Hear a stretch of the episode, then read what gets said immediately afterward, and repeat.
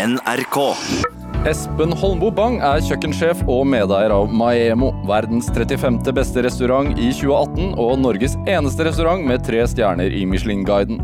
Nå, etter snart ti år, stenger de dørene for å flytte 200 meter ned i veien.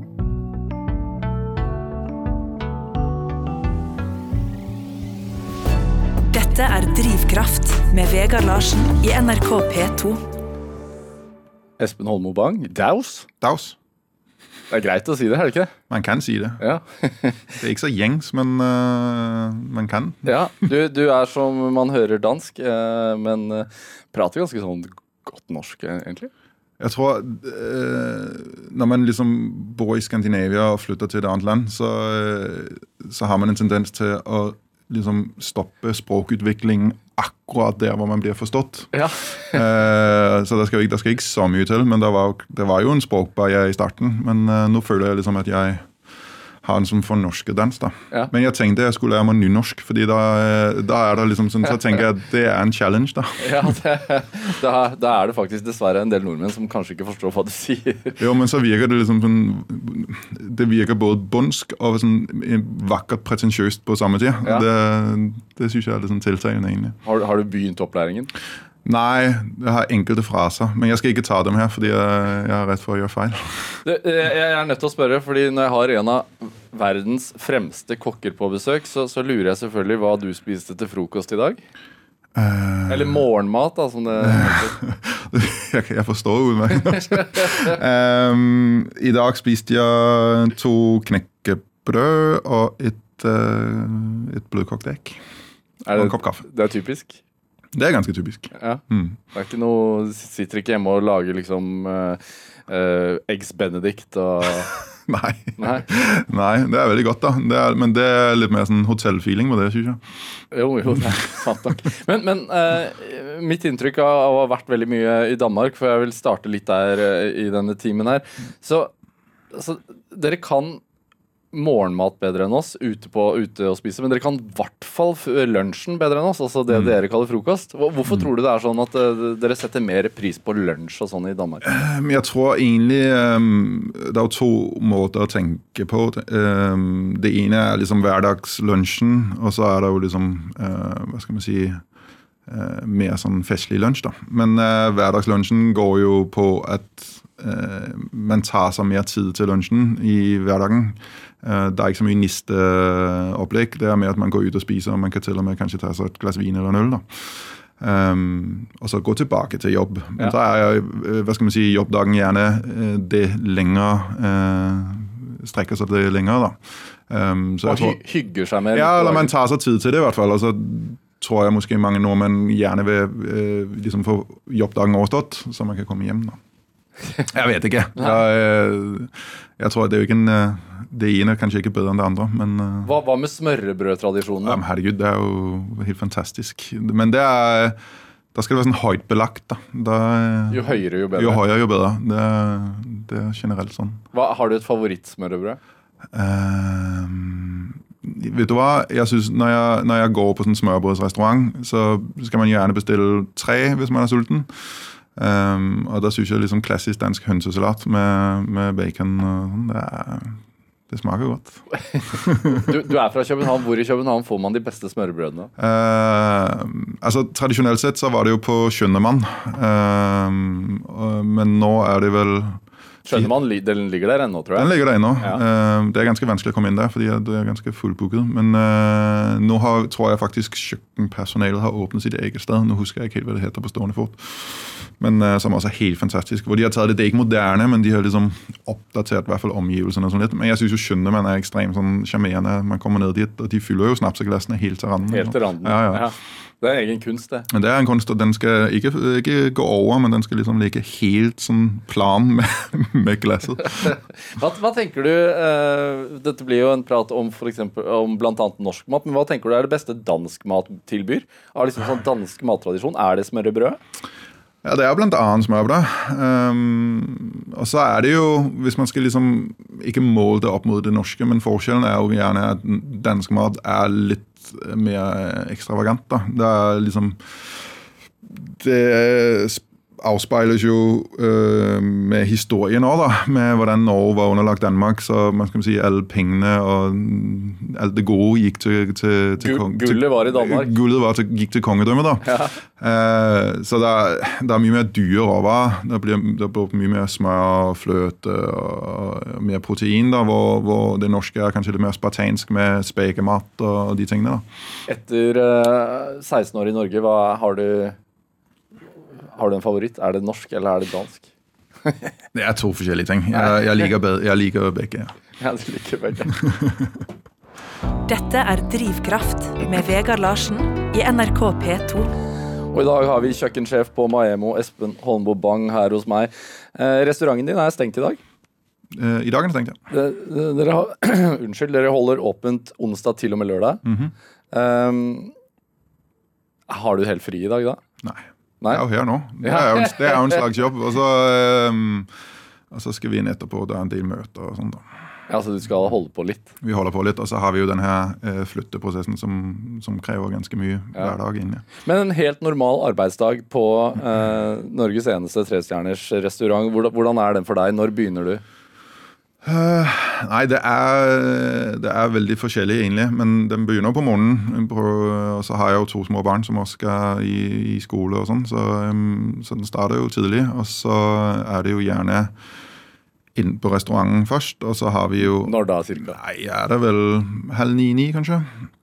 Og da er det en del sånn oppstartsdag på dagen møter, holdt jeg på å si. Med både, øh, nå, er jeg, jo- nå har jeg jo en, jeg har en kjøkkensjef i, i kjøkkenet, øh, så jeg har møter med han, og så har jeg møter med restaurantsjefen.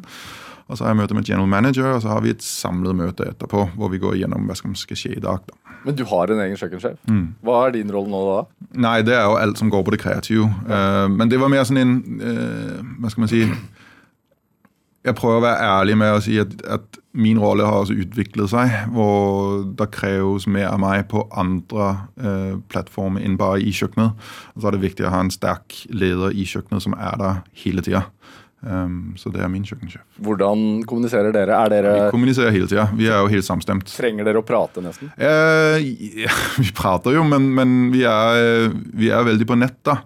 Og Hvem er kjøkkensjefen? det er en som heter Tom. Mm, en engelskmann. Um, og eh, han eh, forstår min filosofi eh, veldig godt, og det er, jo helt, det er vi helt avhengig av. Sånn så Han kan jo egentlig ta valg eh, på sparken, sånn så han ikke trenger en ring og spør meg om lov. Um, men det betyr jo ikke at jeg er der mindre. holdt jeg på å si. Jeg er der jo hele tida. Hvor mange er dere? Ansatte Ja, altså på, på, på jobb. på jobben på restauranten per dag. Um, på, på en vanlig kveld så er vi vel eh, 35, tenker jeg. Og hvor mange gjester er innom? 28 til 32. Og det er to bosettinger? Én bosetting. En? Er- har På fredag og lørdag er det lunsj Ja. og middag. Ja, Men eh, det er bare en, altså er én båtsetting på middagen. Det er ikke sånn at vi har noen nye gjester som kommer inn og bruker bordene, og de andre gjestene er ferdige. Nei. Så det er nærmest én ans altså en ansatt per gjest, da? Ja. I, I overkant. Ja, stort sett. Er det Hvordan Altså, dette teamet har du jo bygd opp over tid, Mm. sikkert med noe utbytting og sånne ting. Men hvor viktig er det at uh, dette teamet fungerer eh, godt overens? Det har jo alt å si. Det er jo som på hvilken som helst annen arbeidsplass er det viktig at det er et sterkt team, og det er samhold. Fordi vi skal jo Det er så utrolig klisjé å si, da, men vi må jo dra samme vei. og vi har jo et felles mål. eh, Så, eh, så det har alt å si. Jeg kan ikke gjøre dette alene. Det er jo teamet som er det viktigste her. Hva ser du etter når du ansetter? da? Nei, Først og fremst så er det viktig at de forstår hva det er vi prøver å gjøre her. Um, og så er det viktig at de hva skal man si, har en viss uh, At de, de klarer å ofre seg. da, At, at man, man kan bruke noen timer på dette. Det er det viktigste for meg. At man ikke tar det som en jobb, men man tar det som noe som kan oppsluke en. Og så samtidig at man har respekt for håndverket. da. Er det sånn at siden det er et oppsl eh, altså oppslukende, og siden man Mm. skal nærmest utelukkende drive med det, kanskje altså, Jobber man da der noen år av gangen bare, før man går videre? Ja, det kommer litt an på. Det er jo, det er jo hva skal man si, en sånn tendens til at man reiser rundt og bygger seg opp et bra CV. da, At man har, at man har noen stjerner under beltet. Men, eh, men så har du liksom en seniorgruppe som gjerne blir lengre, da, som er en del av like stor del av restauranten som det jeg er. da. Stemmer det at dere driver og trener crossfit sammen? Ja. Hva er, hvorfor det? Nei, altså det er jo øhm, Alle sammen? Nei, det er jo ikke alle, men det er, det er mange som sier at de liker å gjøre det, og så er det de som faktisk møter opp. Så det er, øh, så det er en god blanding, men vi er vel en ti stykker hver morgen, tenker jeg. Hver morgen? Mm. I dag også? Nei. Eh, ikke i dag, for nå skal jeg hit. Men er det sånn teambuildingsting, det, da? Ja, det er teambuilding, men samtidig så, øh, så er det mange altså det er, Jeg syns dels er det bra eh, tilbud til våre ansatte, at de har fri tilgang på det. Og dels så tror jeg mange av dem går opp i å holde seg mentalt skarpe. Og hva skal man si møte opp når det gjelder. Og da krever det at man trener både det fysiske og det mentale. Da. Hvor viktig er det for å kunne holde ut? Ja, det, altså, det har alt å si. Du må være mentalt ekstremt sterk. Um, og det, må du, det, er jo noe som man må bygge opp og trene. Uh, så, um, så, det er jo klart, det tilbyr vi jo de ansatte å hjelpe med. Altså Du er mer enn bare en, en kokk, du er en lagleder også? Ja, jeg er vel det. har, du noen, har du noen sånne rutiner eller noen sånn overtro eller noe sånt som du er nødt til å gjøre på kjøkkenet hver dag? Nei. Ingenting? Nei, jeg husker når jeg snakket med din research, uh, researcher på dette. Det, ja. hun var veldig opptatt av å liksom mane fram et eller annet ut av meg. som var, Hva er liksom din overtro? Ja, jeg har ikke det. Uh, men jeg, jeg, har jo ting jeg gjør hver dag som gjør at jeg um, føler at nå har dagen startet. da, og Det må liksom sykle til jobb og gjerne trene og de tingene der. men jeg har ikke noe sånn overtro som sånn. Nei. Hva, hva er på menyen nå for tiden, da? Uh, nei, nå for tiden så det er mye sjømat. da, Det begynner jo å, å være i sesong. Men nå skal jeg ikke si noe her. Kanskje det er noen som sitter og lytter som skal komme og spise. Det vil gjøre en overraskelse. overraskelse. Men hvor mange retter er det? Vi har vel rundt 15-18 serveringer, da. Mm. Og Hvor lenge har du den faste menyen? Nei, Vi bytter kontinuerlig. Alt etter sånn mikrosesonger. Så bytter vi oss efter, efter inspirasjon og sånn. da. Men, men, hvis du ikke vil avsløre hva dere har på menyen nå, fordi at det skal være en overraskelse det, det, det, er veldig hyggelig av deg, men kan du eh, Fordi jeg eh, og den som sitter og lytter der, er jo interessert i hva du faktisk serverer. Mm. Hva, kan du gi et eksempel på en meny? Sånn, uh, jeg kan gi en eksempel på, på, en meny, men jeg kan for eksempel så har, Det var noen år tilbake hvor jeg var på uh, Jeg ble veldig opptatt av rømmegrøt, f.eks. Um, så, så vi serverer jo rømmegrøt. Uh, det har vi gjort de siste to årene, så det er liksom sånn fast servering på menyen. Så det har vært sånn en ting som vi har jobbet veldig mye med. som jeg, Nå kommer jeg over fra utlandet og blir veldig opptatt av. Jeg synes det var liksom, jeg har aldri smakt noe som var tilsvarende i Danmark. Så for meg var det helt sånn både eksotisk og ekstremt velsmakende på samme tid. Um, Men tenkte du at det var en middag? Om rømmegrøt en middag? Ja, Tenkte du det første gang du smakte det? Uh, nei Man blir jo veldig mett av det, så man kan jo si det er en slags middag. Men uh, nei, jeg tenker ikke det som et fullverdig måltid som sånn. da. Det er jo ikke helt uh, efter den her næringstrekanten heller, men, men det er veldig godt, da. Men hva, hva, gjorde du da, da for å ta utgangspunkt i den norske Nei, rømmegrøten? Altså, først så lagde vi rømmegrøten helt, helt streit etter hvordan, hvordan, den skal gjøres. Og så prøvde vi å se på hva er det for noen elementer, uh, smaksnyanser her, som, som, det er de mest tiltalende. Og det er jo liksom konsistensen, og så er det jo syrligheten, som jeg syns er ekstremt viktig. Uh, også fordi hvis den ikke har syrligheten, så blir den veldig sånn tung, og, og så er det den søte varianten òg. Men så begynte vi å jobbe med litt mer kompleksitet. da. Så vi har jo noen hemmelige ingredienser i den. vil ikke si hva som er på menyen, og vil ikke si hva som er i rømmegrøten. Her blir en lang prat, Mark. Ja, det blir vanskelig, og vi skal fylle en time òg. Men du, jeg var en gang på et uh, foredrag med uh, to av kokkene dine. Okay. Som beskrev veldig detaljert da, prosessen ved å komme frem til spiselige høstløv. Jaha. Hva var dette? Det var på Olympiatoppen. De hadde ja, et foredrag der. Ja. Uh, og en, de beskrev Du har ikke hørt om dette? Er du, de, jo, ja, jo, jeg har jo hørt om det. Men det, er, det, er, jo et par år siden, er det ikke det? Ja, et par år siden. Ja, nettopp. Ja. Uh, og den prosessen tok visstnok flere måneder med mye prøving og feiling for å få disse som skulle se ut som høstløv, da, ja. for å få de tynne nok. Ja. Er det Og det her var for å skape én liten detalj på én rett. Ja. Og det er to personer de brukte nevhet på det. Mm. Uh, på hvilken måte er det representativt for din matfilosofi? Jeg ved ikke om det er nødvendigvis representativt, men det er jo litt sånn typisk hvordan vi jobber. da. Vi vil jo få det best mulige resultat i våre øyne. Så er det, det er sikkert at det er det best mulige resultat i de som kommer og spiser. For jeg tenker liksom litt på mat som kunst. da, At det er helt avhengig av de som sitter og betrakter dette og spiser dette og har denne opplevelsen.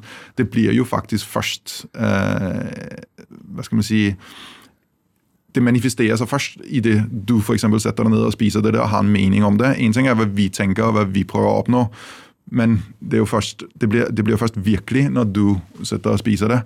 Eh, for eksempel Høstløven var jo eh, at vi ville ha den best mulige representasjon av det vi så for oss. Um, og det kan enten ta en time, eller det kan ta et par måneder. Det er jo, eh, det har ikke, det har ikke noen hva skal man si, algoritme for det. Men dere fikk det til til slutt. Jeg føler vi fikk det til. Hva, hvor lenge hadde dere disse løvene på menyen? da? Vi har vel, Nå er det jo høst igjen, da. Så de, de har jo gjort en eh, De er jo tilbake igjen, det. Eh, og i, i boka di, Du har gitt ut en, en, eh, en bok om Maemo og din filosofi rundt mat. Og, og der sier du, eller skriver du at du er opptatt av emosjonell matlaging. Eh, og, og energien som oppstår mellom mennesker når man lager mat til hverandre. Hva, hva mener du med det? Nei, jeg føler jo jeg er ganske heldig. Jeg føler jo at jeg faktisk har kanskje det vakreste kall det jobb i verden. da. For jeg får lov å gå på jobb hver dag og hva skal man si, skape noe som gir en opplevelse til, til gjestene våre. Ehm, og det å få lov å hva skal man si, Noen gjester har ventet veldig lenge på å komme og spise hos oss, og det er en stor greie. Det kan være ganske kostbart, og så kan det være noe med at man at det er en effort fordi man må reise til Maimo og sånn. Men Hvor langt reiser folk? nei, vi har jo hver kveld folk som har reist veldig langt. Hva, hva, hva er veldig langt? Vi har jo ja, folk fra Japan og USA og Brasil og sånn, men ehm, Så det å få lov å prøve å innfri både forventningene og skape minner for folk. eh, noe de kan tenke tilbake på, og forhåpentligvis eh, med, være positive. Eh, for meg er det jo noe av det vakreste i verden. Det er jo, hva skal man si Det er jo det som driver oss mennesker. da. Det er jo å, å være glade. Men hva tenker du om det? At folk kan reise fra andres, altså andre siden av kloden for å spise din mat? Altså for å spise på din restaurant? Jo, men det er jo Altså Hvis jeg begynner å tenke på det, så, så merker jeg at liksom hjerterytmen stiger veldig, og jeg får litt stress. Men um, jeg tror bare for meg så er det bare et ansvar. Det er et ansvar å, å vite at dette er jo ikke Selv om man kan si at det er veldig fort når man er på jobb, at man kommer inn i noen rutiner, og sånn da, så er det veldig viktig vi treder ut av de rutinene. fordi dette er ikke rutine for de som kommer og spiser hos oss. Dette er veldig spesielt. Og da er det viktig at vi hver servering eh, tar det inn over oss. At vi ikke bare skal komme gjennom kvelden. Dette er en stor greie, og da må vi føle at det er en like stor greie på oss selv. da. At det er eh, en ære å få lov å hva skal man si, servere og skape en opplevelse for de som har reist såpass langt. da. Men er det rom for feil? Det er ikke rom for feil. Altså, men jeg føler også at vi er forbi det punktet. da. Vi, det er såpass um, Hva skal man si um, Jeg føler vi er en velsmurt maskin. da. Så er utfordringen jo ikke å liksom lene seg tilbake og tenke du, nå, dette kjører bare. Vi må, vi må utfordre oss selv. sånn så vi er liksom, Det må være en nerve, det må være liksom en følelse av at det kan gå gærent, selv om det ikke kan det. Eh, ellers så tror jeg ikke vi klarer å prestere. Hvor lang tid i forveien bruker du på å forberede en meny? da? Sånn Nei, nå, men- nå er det sjømat. Ja, nå er det sjømat. Altså, det er liksom ikke noe sånn konkret svar på det. fordi det kan være en idé som, som, som kommer veldig fort, og som er hva skal man si, gjennomførbar fordi vi har et visst nivå. Eh, eller så kan det være en litt mer sånn konseptuell tanke som tar tid og liksom både manifesterer seg som en faktisk idé, og, og faktisk jobbe det ideen fram til det blir noe på tallerkenen. Hvor hele menyen skal spille sammen? Ja, og så bytter bytter vi aldri hele menyen på en gang. Eh, fordi det er viktig for meg at de endringene vi gjør, har eh, kontekst til det andre som blir servert. Og da er det veldig vanskelig å bytte hele eh, på en gang. Dette er Drivkraft med Vegard Larsen i NRK P2. Og i dag har vi kjøkkensjef og medeier av Maiemo her hos meg, Espen, Hol eh, Espen Holmboe Bang. Eh, jeg besøkte Maemmo for noen år siden, eh, og, og kona mi og jeg, og da ble vi møtt på liksom, altså Maemo ligger jo nede ved jernbaneskinnene eh, nede ved Oslo S eh, på en litt sånn høyde. Det, hvis man, man kan gå over en bro fra Bjørvika, eller så kan man gå opp en lang trapp fra Grønland. Når vi åpna, Ja. så var den broen ikke åpnet. Nei. Så det vil si at den, den er veldig lang, den trappen. Så den eneste grunnen til å gå opp den trappen, var å besøke oss. Så det vi var helt avhengige av, det var liksom å sette ned sånne lykter nesten hele veien ned til Sveigårds gate, fordi folk fant jo ikke fram. Så, så det var liksom fullstendig Vi følte oss jo helt alene i verden når vi sto der oppe. Oh, no. altså, altså snø, så Det var i desember vi åpna, og så snøtte det i tillegg. Så det var helt sånn weird. og, det, og etter at de har vært hos dere og spist og drukket ganske godt, da. ja. Hvordan var det når de skulle gå ned den trappen? Nei, altså Stort sett øh, så gikk det veldig greit. Noen ganger så måtte vi Vi har en heis da, som vi kan ta Folk som er kanskje dårlig gående, eller litt eldre folk som har fått litt mye vind, de kan ta heisen. da. Dere så han? Ja, vi så det litt an. Det gjør vi fortsatt. Ja, dere Men det, det jeg lurte på, er at For da vi kom Vi gikk jo opp disse trappetrinnene. Jeg vet ikke hvor mange trinn det er. Har du telt? Nei, jeg har ikke, telt. talt. Du har gått i Jeg gang. kan gjøre det etterpå. Men, men eh, da blir vi møtt på toppen av en dame som helt klart visste at det var vi som kom. Eh, hadde hun googlet oss på forhånd? Nei. Nei, jo, det hadde hun. Nei, Nei men vi, vi, vi er jo en liten restaurant. Vi har åtte bord. Ja. Um, og- og de som kommer til oss eh, Jeg vil ikke si at de har pynta seg, men, men de har gjerne på i hvert fall en skjorte på herrene og kanskje en kjole på, på, på damene. Eh, Så man ser, altså går de gjerne veldig sånn, enten veldig sånn beslutnings Uh, Nå skal vi opp den trappen, vi skal inn dit. Kanskje er litt nervøse. Eh, Da er liksom, Vi spotter, ja, vi blir veldig flinke på å spotte hvem som skal komme til oss og spise. Da så vet vi jo nå kommer det to personer. Kommer klokken 19.30, da har vi jo øye på det. Hvis det kommer fire, så har vi øye på det. Og så er det ofte eh, folk som reiser til fra utlandet. De står jo gjerne nede på den plassen og ser helt forvirret ut. Og, Hvor kan det være? Ja, jeg skjønner ingenting. Og de står og kikker inn på, på skattekontoret og sånn. og Så eh, jeg syns vi er blitt flinke til å spotte, da. Men, det, men dere googler ikke? Nei. jo, det gjør dere. det ser jeg. det er lov å innrømme det. Det er jo bare hyggelig. Jeg, vil, jeg vil si så mye som vi prøver å, å um, forberede så godt som vi bare kan. Ja, ok, ja.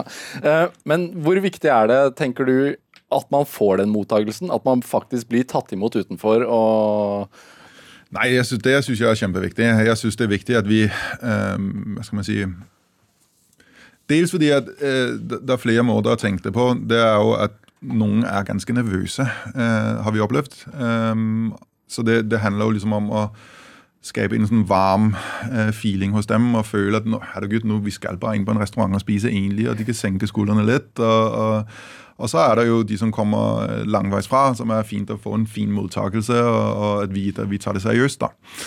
Eh, så det syns jeg er en viktig del av opplevelsen. Hvorfor, hvor, hvorfor tror du folk kan være nervøse? Nei, si det. Det er jo um, um, Mange har ikke vært på en såkalt trestjernet restaurant før. Eh, og vet ikke helt uh, De tenker kanskje det er regler og det er måter man skal være på. og sånn. Øhm, kanskje nervøs for å gjøre feil og sånne ting. Um, men det er bare veldig viktig for oss å vise at vi er der jo for dem. For oss, Det viktigste for oss er jo at folk har en god opplevelse. Uh, så det er ingen regler. Det viktigste er at for meg at de kan slappe av og nyte noe de har sett fram til. Uh, og det er jo uh, Folk har helt forskjellige premisser for å, å ha den opplevelsen. Så man kan ikke gjøre noe feil. Altså, Man må oppføre seg, selvfølgelig, men normal, har man normal folkeskikk, Helt normal folkeskikk eh, kommer man langt med. Altså. ja. I, i, I tillegg så opplevde ja, det å være på restauranten din Nå er dette riktignok noen år siden, da, men, men som å være på en Nesten som å være på en ballettforestilling. Ja. Uh, hvor Altså, dere som jobbet der altså, Det er jo to etasjer. eh, man sitter nede og spiser, og så jobber dere på kjøkkenet som er ovenfor på en slags hems. Da, nesten Ja, med, med, en, ja, sak, ja. ja, med en trapp ned. Og ja, kan man sammenligne det med, med en forestilling? Altså, Ja, det syns jeg absolutt man kan. Ja. Um, mest fordi vi er mange forskjellige personer, alle har en rolle å spille som sånn. da. Selvfølgelig de spiller de rollen som seg selv, eh, men det skal være eh, det skal være en synergi mellom oss, og det skal være en synergi mellom maten og måten den blir presentert på, og folkene som jobber der. eh. Så jeg syns absolutt at det er helt klare referanser til ja, Kall det ballett, da, eller en, eller en forestilling. Ja, du tenker det? Jeg syns absolutt det. For du er, du er glad i, i ballett selv? Jeg er ikke sikkert glad i ballett, men eh, jeg, jeg liker å gå på forestillinger. da, og Senest var jeg på, faktisk på ballett, men jeg, jeg er glad i alt som, har en, som, som hva skal man si, trekker noe emosjonelt hos meg. Eh, Det syns jeg er inspirerende, om det er musikk, eller om det er en forestilling, eller om det er ja, litteratur eller kunst, eller hva det er. da. Så syns jeg liksom mitt virke handler om et, en energi, da, eh, og det å bli inspirert. Men tenker du måltidet som akter også? Nå blir det veldig konseptuelt, men, men ja, jeg tenker jo at det er et crescendo i, i måltidet. Jeg tenker at eh, hver eneste servering har, en- har en veldig spesifikk eh, rolle å spille. Ja. Eh, du nevner jo også at det er kostbart å spise hos dere. Hva, hva, hva tenker du over det? Altså, det? Det koster med vin, og så er det nesten 5000 kroner. Eh, er det en OK pris? Det er en OK pris. uh, altså det koster det det koster å, gjøre, å, å skape denne opplevelsen. Ja. Um, det her, jeg sitter jo ikke og hever prisene for å få noe særlig profitt. Det er jo ikke noen hemmelighet. Men eh, vi har utgifter, eh, og samtidig så eh, legges det ned ekstremt mye jobb. Så hvis vi skulle regne ut en eller annen timepris på dette, så tror jeg folk var blitt veldig overrasket. Er du litt lei at man prater om at det er dyrt å spise på Jeg syns jo ikke det er dyrt. Nei. Jeg, synes, jeg går med på at det er mye penger. Det er det. Um, men jeg syns absolutt ikke det er dyrt. Jeg syns det er dyrt å øh, Nei, nå skal jeg passe på hva jeg sier. Men det er mange andre ting som jeg vil definere som dyrt. øh, opplevelsesmessig eller matmessig. Men, øh, men jeg syns absolutt ikke vi er dyre. Men tenker du at vi eh, nordmenn bør bruke mer penger på mat, egentlig? Um, ja, øh, for så vidt. Men jeg skal ikke sidde og diktere hva folk, øh, hva folk øh, vil gjøre med pengene sine. Men, men det er jo klart at det er jo ikke noen hemmelighet at Norge er vel en av de landene i Nord-Europa som bruker minst penger på mat ut av, vanlig innkomst. Så, og det sier jo litt um, på de valgene man tar. Så skal jeg ikke si om det er riktig eller feil, men, men det er jo veldig definerende. da. Hvor ofte er du ute og spiser selv? Åh, jeg skulle ønske jeg var mer ute og spise, men uh, jeg, liker jo, eh, jeg liker jo veldig godt å gå ut og spise. Hvor, kan du si noe om hvor du har hatt din beste restaurantopplevelse? Um, nei, fordi um, det kommer veldig an på. Um, jeg har hatt fantastiske opplevelser på enkle steder. Jeg har fantastiske opplevelser på ambisiøse restauranter. Ehm, men, men det handler jo om setting. Eh, for meg, Jeg husker når jeg var litt yngre, så gikk man ut for å spise for liksom, å se er det, hva er det andre gjør. og liksom Måle seg selv opp mot dem. Men det gjør jeg ikke lenger. Nå går jeg bare ut for å kose meg og, og ha en fin kveld. Og, og gjerne være sammen med enten kona mi eller venner eller hvem det er. Hvor får du inspirasjonen din fra? da?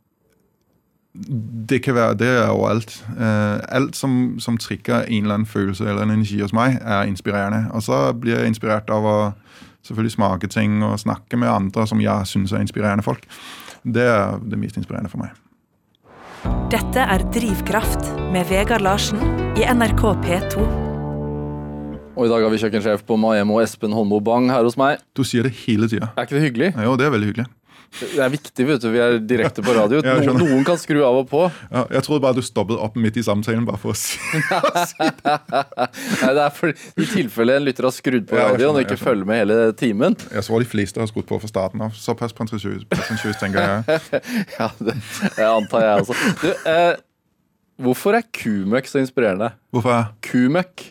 Kumøkk eh, Jeg vet ikke om det er inspirerende, men eh, Jeg har lest det i Ja, boka. har du et, lest, ja. et horn med kumøkk. Ja, Eh, nei, det handler jo litt om For meg så handler det om lidenskap, og det eh, handler jo om eh, biodynamisk eh, gårdsbruk. Um, Så skal jeg ikke si at uh, biodynamisk er uh, at, er en, at maten blir bedre av at de her kuhornene kommer ned i uh, jordsmonnet. Men det viser et engasjement og en tanke bak de som driver jordbruk på den måten. Og da er faktum jo at biodynamisk mat eller biodynamiske råvarer smaker bedre enn konvensjonelle, konvensjonelle råvarer. Det er jo så om det, om det er uh, kumøkk, eller om det er lidenskapen til de som holder på med det, det får stå uh, usagt. Det har jo vært mye sånn diskusjoner rundt det. Er biodynamisk bedre? Smaker det bedre? Klart gjør det det. Du, du mener det? Absolutt. Mat, mat er mer enn smak. Og eh, Verdier og etikk har også en smak. Så det at du tar en bit av en gulrot som du vet ikke er blitt sprøytet med gift, gjør også at du syns den smaker bedre. Det vil jeg våge påstå. Ja. Ja, Det tror jeg du faktisk har rett i. det er bedre med Det er bedre med ting som ikke er sprøytet med gift. ja, jeg. Det er bedre med noe ordentlig kumøkk. Generelt. Eh, Hvorfor valgte du et finsk navn på restauranten? Eh, det, det var en veldig lang prosess, det her med å finne navn til restauranten. Uh, på den tiden så hadde jeg en finsk, uh, en finsk businesspartner og, For Maemo betyr moder jord på finsk. på finsk. Um, så liker jeg å tenke at det, det ordet er såpass gammelt at uh, vi tenker på det som litt mer nordeuropeisk eller skandinavisk, da, for å rettferdiggjøre det litt for meg selv. Men eh, det, handler jo, det handler om at den prosessen var såpass lang med å finne et navn at jeg, jeg stemplet helt ut. uh, og det er det jeg bare sier, vet du hva, nå Uh, Hva sto du imellom, da? Uh, jeg husker knapt. Det var så mange dårlige forslag at jeg ble helt kvalm av å tenke på det. Men til sist så tenkte jeg at vet du hva, Maimo Ja, mange vet ikke hva det betyr. Da har vi liksom en trikk og en historie der. Eh, det ruller liksom fint på, på tungen. holdt jeg på å si. Så, eh, så synes jeg sånn rent uh, typografisk så synes jeg også det så fint ut. Men uh, til sist så var jeg bare sånn fine, let's go. Og så, så ble det det. Det har vist seg å fun funke godt. Jeg vet ikke om det er navnet, eller, eller om det er det vi prøver å, å Er, gjøre. er det ikke hele pakken, da? Det er hele pakken, kanskje. Ja, ja. Uh, du, du startet jo Maemo for snart ti år siden. Mm. Jeg tenker sånn De store norske kokkene før deg, de man hadde hørt om i norsk sammenheng, de var veldig opptatt av fransk mat.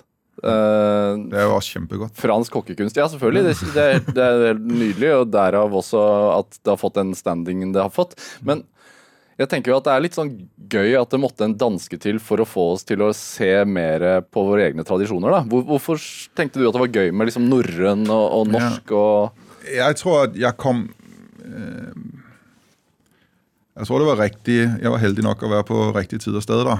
Um, men det handler om at jeg kanskje uh, så uh, hverdagsting som var veldig uh, hverdagslig for folk flest på en ny måte. da. Så jeg syns mye av det var veldig interessant og tok tak i det. F.eks. rømmerøtter. Um, og det tror jeg både resonnerte hos mange folk. At det var noe gjenkjennelig, men samtidig noe eksotisk når de kom til oss spise det. Eller kommer til oss å spise. Um, så jeg, jeg vet ikke om, om, om det er liksom eh, Om det er det norske som er, er suksessen hos oss, men det har i hvert fall Det var i hvert fall en drivkraft hos, hos meg eh, til å skape noe. Og jeg tror liksom kreativitet må, Da må du ha noen rammer. Eh, og få lov å bare sitte ned. Du kan gjøre hva du vil. Da er det liksom ingen spenning. da. Det må være, eh, det er veldig, Si du tar en ball og kaster den. Eh, hvis ikke den kommer tilbake, så er det liksom ingen energi. Hvis du bare kaster den ut og du kan gjøre hva du vil, så kommer den ballen aldri tilbake. Så du måtte lage må- noen rammer for deg selv? Ja, jeg må lage noen rammer for meg selv, og de må være ganske, de må være ganske stramme da, for, for at, man utfordrer seg selv rent kreativt. Da, da tror jeg det er der eh, idé og, og kreativitet eh, oppstår. Du, det er jo, du var jo 27 år da du starta Maimo, eller 26? 27-28, tror jeg. Nå Ja. er det ni år, ja. Og som du har vært inne, inne på, så det, Maemo er plassert på over skinnene på, på uh, Oslo S uh, ved, ved Grønland i Oslo. Og, og dette var jo før Barcode uh, sto ferdig, og det var ikke noe Bjørvika det var snakk om. Jeg husker jo en kamerat som skulle ned og spise hos dere ganske tidlig, og han, han tok med seg en annen venn fra fra Oslo vest, og denne personen hadde aldri vært på Grønland før, og hvorfor i all verden skulle han ned dit og spise fine dining? Ja. Eh, hvordan opplevde du starten på restauranten? Ehm, nei, det var mange som, som ikke kunne finne oss, og så var det mange som syntes og Det var noe av det som provoserte meg mest, at det var litt sånn skummelt Ja. å dra til Grønland. Det syns jeg var litt teit, da. Men ehm, det var noe eh, Jeg synes det var Jeg følte at når vi startet Marimo, så skulle vi gjøre noe nytt. Jeg følte at vi var en hva skal man si, en ny addition til matscenen i Oslo. Uh, og Da var det viktig for meg at vi ikke lå i Frognerveien, fordi da føler jeg allerede at man blir sånn definert som restaurant. da. Uh, så det var viktig for meg at Du ville ikke være bagatell? Nei, altså bagatell, bagatell er bagatell, eller var bagatell. Um, og jeg hadde ikke noen eh, ambisjoner om å være i bagatell. Så, um, så det var viktig for meg. Det var en, en, et, nytt, et nytt sted, og kanskje utfordre folk litt. da. Det har skjedd fryktelig mye i Restaurant-Norge de siste ti årene etter Ja. at dere startet opp. Ja. Hva, hvordan vil du beskrive alt som har skjedd? Altså det, Nei, det er jo klart det er en mye mer dynamisk matscene. Uh, og jeg synes det, det fine er at det er yngre folk som starter for seg selv. Og jeg tror eh, folk tør å ta litt mer sjanser eh, i, i en gründervirksomhet. Eh, hvor jeg synes at ofte før i tida så var restauranter sånn utrolig sånn sette og konseptuelle, og det var brukt mye penger på det, og det var liksom en satsing, og det skulle være profitt, og det var liksom business. da. Så føler jeg nå at det er mye mer lidenskap, og, eh, og så føler jeg også en mellomsiktet på restauranter er blitt mye bedre. Hvor man kan gå ut og spise enkelt, men fortsatt ambisiøst. Det syns jeg manglet veldig før. Hvor mye av æren har, du- har du for dette her, tror du? Alt. Nei, nei, nei. Jeg uh, Jo, no, altså du, nei. du må jo så, såpass uh, Nei, jeg, jeg føler kanskje at Du har eh, banet litt vei, da. Ja, jeg håper det kanskje. At, at folk så at man trenger ikke ha tunge investorer i ryggen for å, å, å lykkes. Det handler om, om jobben man gjør og lidenskapen man har til det man holder på med. Det er det som definerer suksess, og jeg tror at det eh, folk som kommer til oss og spiser, opplever oss som lidenskapelige, og det tror jeg er mye av suksessen. Eh, Dere ble jo den første restauranten i landet som har gått fra null stjerner til to stjerner. Ja. Det skjer jo sjelden. Det skjer sjelden. Hva, hvordan merket du dette liksom over natta? Nei, det var jo eh, det var galskap. Altså, det var, vi gikk for å være en relativt ukjent restaurant på, som du nevner, på Grønland, til å bli omtalt i, i veldig positive ordlag internasjonalt. Og plutselig var det mange som gjerne ville ha en del av deg, og de ville komme og spise, og det var liksom mye trøkk på det. Uh, og vi var ikke forberedt på dette. Så, um, så det var en periode der hvor vi, um, hvor, hvor vi lå litt vennrett, for å si det mildt. Det, det var mye. Forstår du kollegaer som uh, ønsker liksom disse stjernene bort? Ja ehm, Ja, nei. Altså, for meg altså, jeg, jeg tror litt det er hva, hva, hva, er liksom Hva gjør Michelin-stjerner med folk? Det, um, for meg, når jeg var, når jeg var ungkokk og starta, så var Michelin-stjerner liksom den hellige gral. Eh, Jeg, gikk, jeg husker jeg gikk rundt i Paris med min eh, daværende kjæreste, som nå er min kone. og liksom kikket, prøvde å kikke inn av vinduene til de her trestjernede restaurantene. og Det var jo sånn templer. ikke sant? Så få lov å Jeg tror det er litt over 100 restauranter på verdensplan som har, som har tre stjerner. og for lov å være en del av det miljøet og, eh, som man den gang så som helt fullstendig uoppnåelig. For meg er det en stor ære. da. Uh, og Det er en veldig sånn emosjonell ting for meg, så jeg har ikke noen uh, planer om å gi tilbake stjernene. Men, men, men uh, samtidig så legger det jo press på en, men jeg liker at det er et ansvar her. Uh, vi må møte opp hver dag. Uh, og jeg tror Michelin-stjerner hjelper, og men liksom for min del legger litt press på meg. Um, og så hjelper det jo hva skal man si, gjestene syns jo også det er veldig stas. da. Hva Tenker du over det noen gang? At du for ikke så mange år siden var en ung mann som så gjennom vinduene på trestjerners restauranter og tenkte at oi, uoppnåelige templer, og i dag så driver du en selv? Jeg tenker på det hver dag, ja. Ja. Ja, det er Jeg føler meg utrolig privilegert å få lov å, å, å drive med det jeg driver med. Og, ja, altså Ja, det er veldig stort, rett og slett. Ja, det er det. Mm. det er, man må liksom sette seg tilbake og reflektere rundt hva man har oppnådd, kanskje. For å liksom Absolutt, men jeg tror også det er viktig at man ikke lar det Man skal ikke la det være ved det. da. Må, så må man sette nye mål, og heller bruke de, de, ting, de ting man har oppnådd, og bruke det som en katalysator for å inspirere en videre, mer enn at det blir en Ja, nå har vi gjort det. Ja. Ikke sant? Jeg har hørt at eh, når de, disse Michelin-inspektørene, eller agentene, eller hva de heter, når de er i byen at Ja, er det ikke det? Liksom, Jeg vet ikke. Inspektører. at, at kokkene i landet sender hverandre tekstmeldinger sånn nå, nå er de her. Jeg har ikke fått noen tekstmeldinger. Du har ikke fått det? Nei. Du holdes utenfor det selskapet? Ja, ja, kanskje det. Nei, jeg vet ikke. altså For oss så eh, Jeg tror det er viktig at man eh, Michelin-inspektør eller ikke Michelin-inspektør, er de der, så er de der. Men det, det er ikke det som skal, skal motivere deg for å, møte opp. altså. Det er de som som jeg nevnte tidligere, som enten har reist lenge eller ventet Eller lenge. lenge. Ja, eller har lyst til å få en opplevelse. da. Er det, er det mer utfordring å få tre stjerner, eller å beholde tre stjerner? Jeg tror det er samme. Ja. Det er jo klart at når du har fått de tre stjerner, så er det jo på radaren, kan man si. Så, eh, så men, men jeg føler at vi vinner dem hvert år, ja. Vinner dem hvert år, ja? Ja. ja. Sant? Så man, man ser på det som en sånn Absolutt. Og det er like stor sjanse for at man går ned på to stjerner. Ja. Det, det tror jeg. Nå kommer den jingeren igjen, altså. Kjør på. Dette er Drivkraft med Vegard Larsen i NRK P2. Og i dag har vi kjøkkensjef eh, på Maemmo, Espen Holmo Bang. Og Vegard Larsen. Ja, og Vegard Larsen. Vi er her fremdeles. Eh, dere skal stenge dørene snart. Ja. Hvorfor i all verden skal dere stenge en suksess?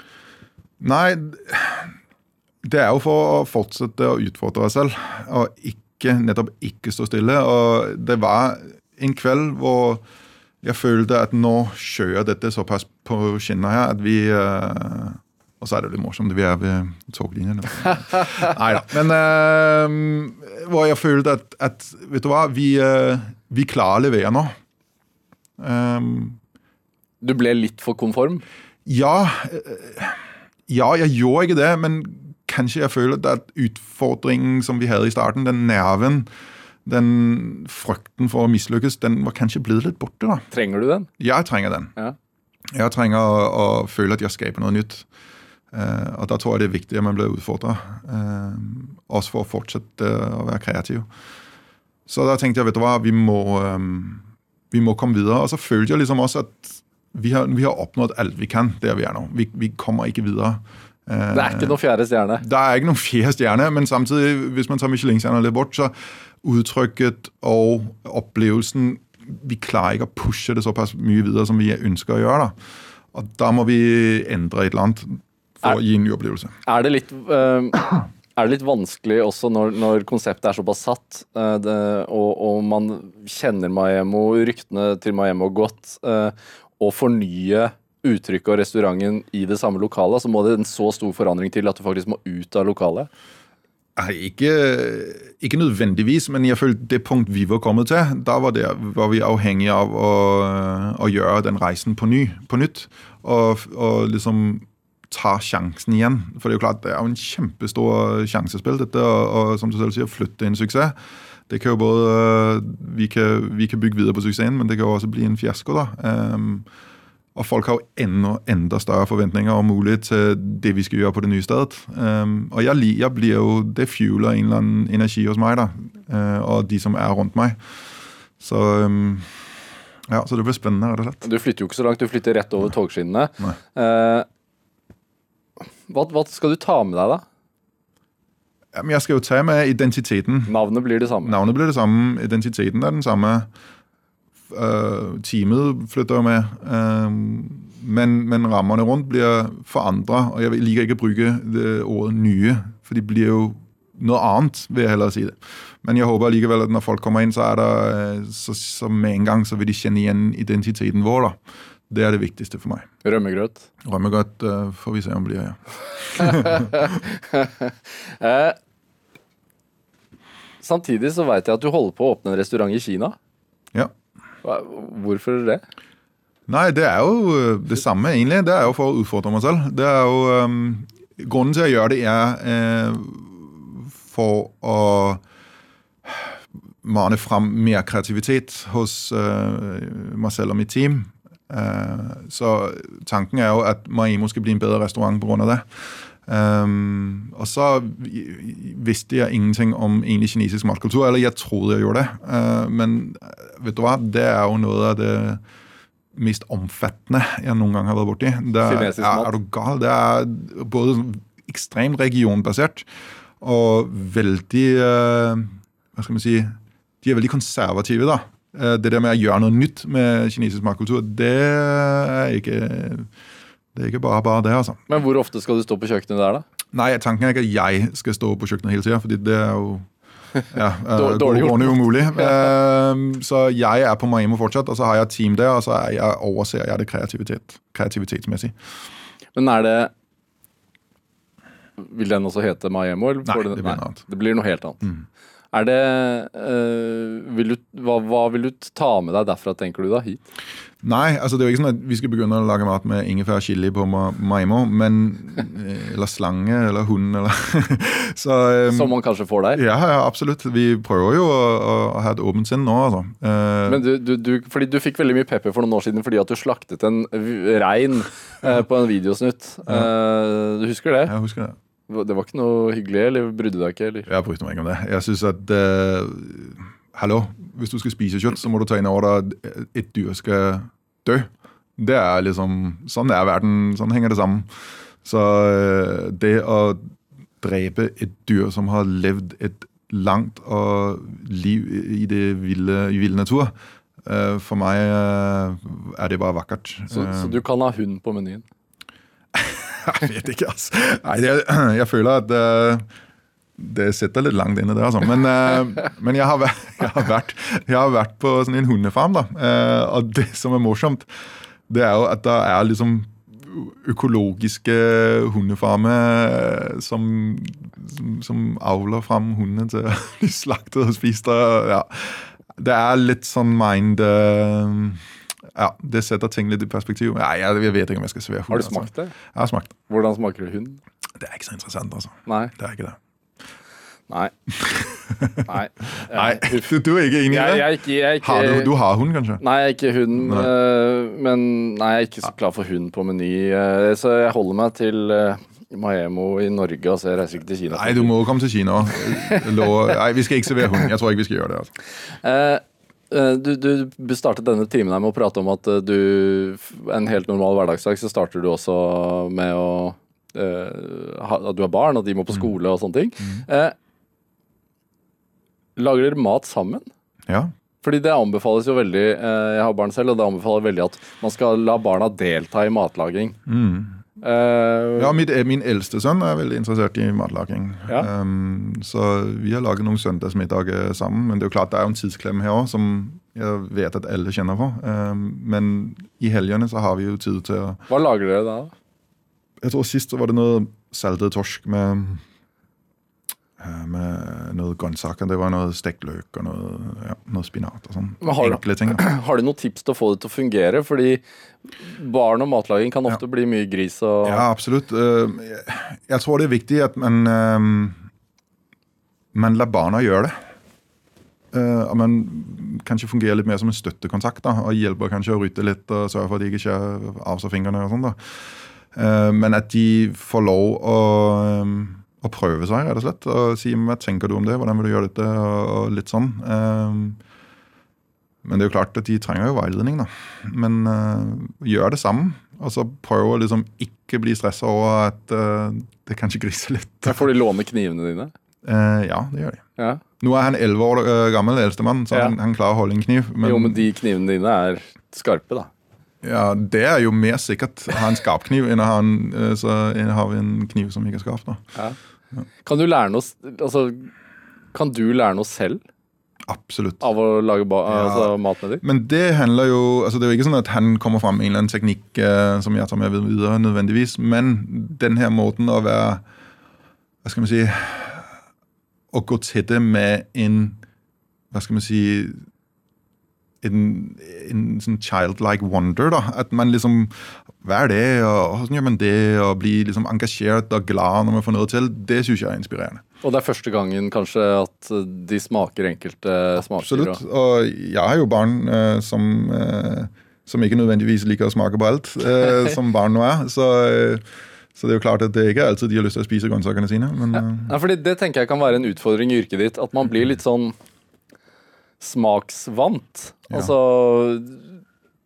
Kan du merke på det selv? Altså At du blir litt sånn Ikke nummen, men altså Du har du har jo antagelig smakt det meste, da. jeg har smakt det meste. Uh, Men det finnes mye rart i verden. ass. Det det er, det er mye rart. Men uh, jeg har smakt på det meste. og- hva er det rareste du har spist, da? Vet du hva, Det vil jeg ikke engang si på radio. Altså, det jeg har spist mye rart. Jeg husker jeg var i jeg tror det var Bangkok og, og med noe jobb. Og da, da var vi på et marked, og så fikk jeg eh, noen egg som var liksom kokte, men de var sånn helt lilla. Og jeg var sånn, hva er, hva er det? Og hun som jeg liksom var sammen med, jeg spurte liksom, hva er det? Nei, men det var liksom eh, hun, hadde, hun var ikke så god i engelsk. Men så var sånn, horse, horse piss. Jeg bare, ja, hva mener du med det? Nei, men det er da egg som er tilberedt i ja, hesteurin. da. Ja. Og eh, etter de er blitt tilberedt eller kokt i hesteurin, så blir de lagt i høy i tre måneder. Ja. Og så spiser man de. Og de råtner, da. Eh, ja, de er ganske råtne. Og ja, og, ja. Så noen ting eh, Hva smakte det? det smakte ikke noe særlig godt. altså. Det smakte råttent egg. og det var ikke... Ja, men det var en delikatesse der, da, og for all del. Ja. Ja, vi, altså, vi, skal, vi skal ikke sitte på høyest, fordi vi driver jo og, og graver ned uh, Ja. råtten fisk og Absolutt, og det kan være vel så oppputting Ja. eh, til folk som smaker det for første gang, som, som eh, egg kokt i hesteurin. Men det jeg syns er interessant, det er jo hvem var det som gjorde dette først? Det, det liksom Hvem kom fram til Ja, hvem var det som tenkte dette, dette gir mening? Men er det, det en altså, en slags sånn lekenhet som du kan ta med deg til testkjøkkenet deres? Ja, absolutt. Det, jeg, jeg tror det er viktig men ikke eh, stopper opp. Altså, man må være åpen for ting. Um, og jeg er så heldig jeg har et veldig internasjonalt team rundt meg, så, så vi har alle, alle sammen et eller annet å bidra med. Um, men det er jo også, man skal også tenke på at det er en grunn til at ting blir servert. Det er fordi det smaker godt. Uh, så Og det er jo det primære her. Vi skal lage god mat. Eh, dette programmet heter jo Drivkraft, vi har vært litt innom det. Eh, men, men altså, du skal åpne en restaurant i Kina, eh, og du skal flytte Maemo nå, som er en suksess. Hva, hva tenker du er, liksom, er drivkraften din nå som kokk? Fordi du har jo oppnådd veldig, veldig mye på disse siste ti årene. Ja, men det er jo, altså Drivkraften har aldri blitt borte, den. Det er, den er like sterk som den var i starten. Det er å skape en, en, en opplevelse for de gjestene. Det går litt tilbake på det jeg sa før. Jeg syns det er noe av det vakreste som finnes. Å få lov å skape minner eh, og gi en opplevelse. Det, det er jo kjærlighet, det. ikke sant? Å få lov å drive med det, det er drivkraften min. Hva slags øh, tilbakemeldinger får du av folk i restauranten, da? Ehm, nei, de er veldig forskjellige, og det, for meg så, så føler jeg jo litt at det er som kunst. da. Det blir jo først virkelig i det sekund du ser på det, eller smaker det. Hva, hva vi tenker om det, er nesten irrelevant i, i det sekund. Det er du som sitter ned og har den opplevelsen, og du øh, har en prosess som liksom Hva skal man si tolker dette. Eh, og folk som kanskje reiser fra utlandet, syns jo dette er veldig eksotisk. Uh, norske gjester kan kanskje kjenne seg litt igjen i noen av de tingene vi serverer. og noen ganger kan de bli rørt, fordi det skaper noen minner uh, som de har hatt. Det trikker et eller annet hos de. Um, så det, det er noe av det vakreste. det når, når folk sitter med en tåre i øyekroken. Da blir man nesten rørt selv, da. Når, når spiste du sist selv noe som du ble rørt av? Det, det gjorde jeg i sommer. Når jeg får servert jordbær med fløte, da er det rett tilbake til barndommen. Altså. Ja. Er det Er det Det ikke bare både være fint og sort. da. Ja, jeg håper det var en uh, Stort sett fint. da. stort sett fint, fint tåre. Men er det også noe av det man prøver på? Også gjenskape minner? Ja, det syns jeg. Ja. Det er i hvert fall en, en inspirasjon for meg, er det her emosjonelle um, ved å lage mat. Og jeg tror ikke at det er fordi at man skal bli servert en rett som man har smakt 100 ganger før, men det er elementer her og, øh, som skaper noen assosiasjoner til noe man har opplevd, eller et fint, eller noe sort, eller det kan være hva som helst, egentlig. Uh, og det syns jeg er veldig vakkert. Og det gir liksom en kompleksitet og et, en ny dimensjon til, til opplevelsen. da. Hva er det du lager til uh, familien din som du håper at de får, har det der? Jeg lager julematen hver dag når jeg kommer hjem. Nå, nå, nå er vi jo sånn uh, liksom mange andre familier. Vi splitter jo annenhver jul hos, på, hos kona mi familie og Ja. min familie. og når jeg kommer hjem, så lager jeg jo dansk jul. Um, og da, det, er veldig, det, er en veldig kritisk gjeng. Som, så det skal være som det alltid har vært. Ja, hva er det? Nei, det er jo helstekt and og waldorfsalat og forskjellige typer potet. og Det er veldig ekstravagant opplegg. altså. Det tar tid. Det er som vi snakket om i starten på denne timen. Det er Gullet gikk til Danmark, og der har de helstekt det. Ja, det er litt sånn. altså. Det, jeg husker første gang jeg skulle feire jul med, med familien her i Norge. Da, da, det var jo pin, De serverer pinnekjøtt. da. Ja, det jeg tenkte liksom, det er en festkveld som dette, så skal man få noe sånn salta sau og det, det var ikke noe særlig festlig, da. Det var litt så spartansk. Men, eh, men jeg har lært å elske det. Jeg syns det smaker helt fantastisk, og det, det hører med, det òg. Ja. Eh, helt på slutten her Er det slutt? Ja, det er veldig straks slutt, ja. Vi tar en time til. Vi tar en time til. Du er hjertelig velkommen tilbake altså, etter at du har startet opp ny Maimo. Ja. Men bare sånn helt kort eh, Folk sliter jo hver dag Skal det ikke være noe musikk og sånn? Ja, Det fikk vi ikke tid til Nei, i noe musikk i dag. Okay. Folk sliter jo, eller utsetter seg selv for det å lage middagsmat hver dag hjemme. Hva, hva Har du en anbefaling? Veldig kjapt? Nei. Nei? Jo, jo. Vet du hva? Jeg tenker sånn, prøv å holde det enkelt. Kjøp mer grønnsaker enn der du kjøper kjøtt. Det er min anbefaling. Kjøp mer grønnsaker enn du kjøper kjøtt. Um, Espen Homobang, tusen takk for at du kom hit til Drivkraft. Tusen takk for at jeg fikk lov å komme. Uh, lykke til med nyåpning. Takk. Og ikke minst uh, reisen til, til, til Kina. Håper vi aldri får se hund på menyen her i Oslo. Nei, vi gjør ikke det.